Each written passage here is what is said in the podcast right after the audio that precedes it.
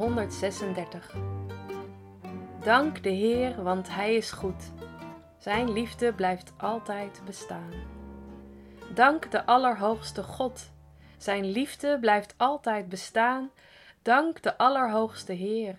Zijn liefde blijft altijd bestaan. Hij alleen doet grote wonderen. Zijn liefde blijft altijd bestaan. Hij heeft met wijsheid de hemel gemaakt. Zijn liefde blijft altijd bestaan. Hij heeft de aarde vastgezet in zee. Zijn liefde blijft altijd bestaan. Hij maakte de zon en de maan. Zijn liefde blijft altijd bestaan. De zon schijnt overdag. Zijn liefde blijft altijd bestaan. De maan en de sterren schijnen s'nachts. Zijn liefde blijft altijd bestaan. Hij doodde de oudste zonen van de Egyptenaren. Zijn liefde blijft altijd bestaan. Hij bevrijdde de Israëlieten uit Egypte. Zijn liefde blijft altijd bestaan. Hij deed dat met grote kracht en macht. Zijn liefde blijft altijd bestaan. Hij maakte een pad door de Rietzee. Zijn liefde blijft altijd bestaan. Zo kon het volk veilig door de zee gaan. Zijn liefde blijft altijd bestaan. Maar de farao en zijn leger verdronken. Zijn liefde blijft altijd bestaan. De Heer leidde zijn volk door de woestijn. Zijn liefde blijft altijd bestaan. Hij versloeg grote koningen. Zijn liefde blijft altijd bestaan. Hij doodde machtige koningen. Zijn liefde blijft altijd bestaan. Hij doodde Sigon, de koning van de Amorieten. Zijn liefde blijft altijd bestaan. Hij doodde Och, de koning van Basan. Zijn liefde blijft altijd bestaan.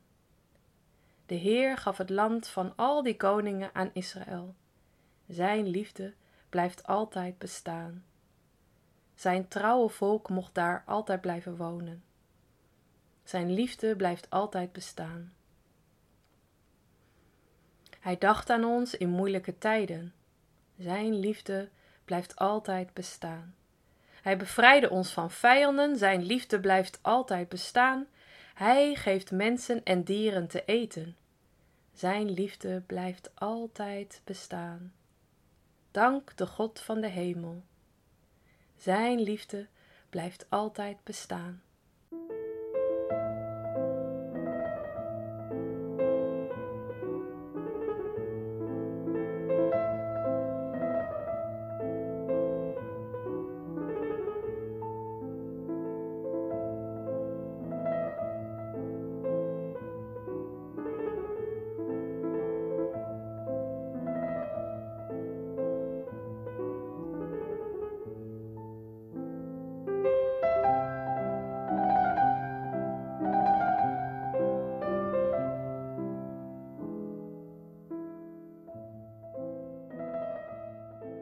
Zijn liefde blijft altijd bestaan.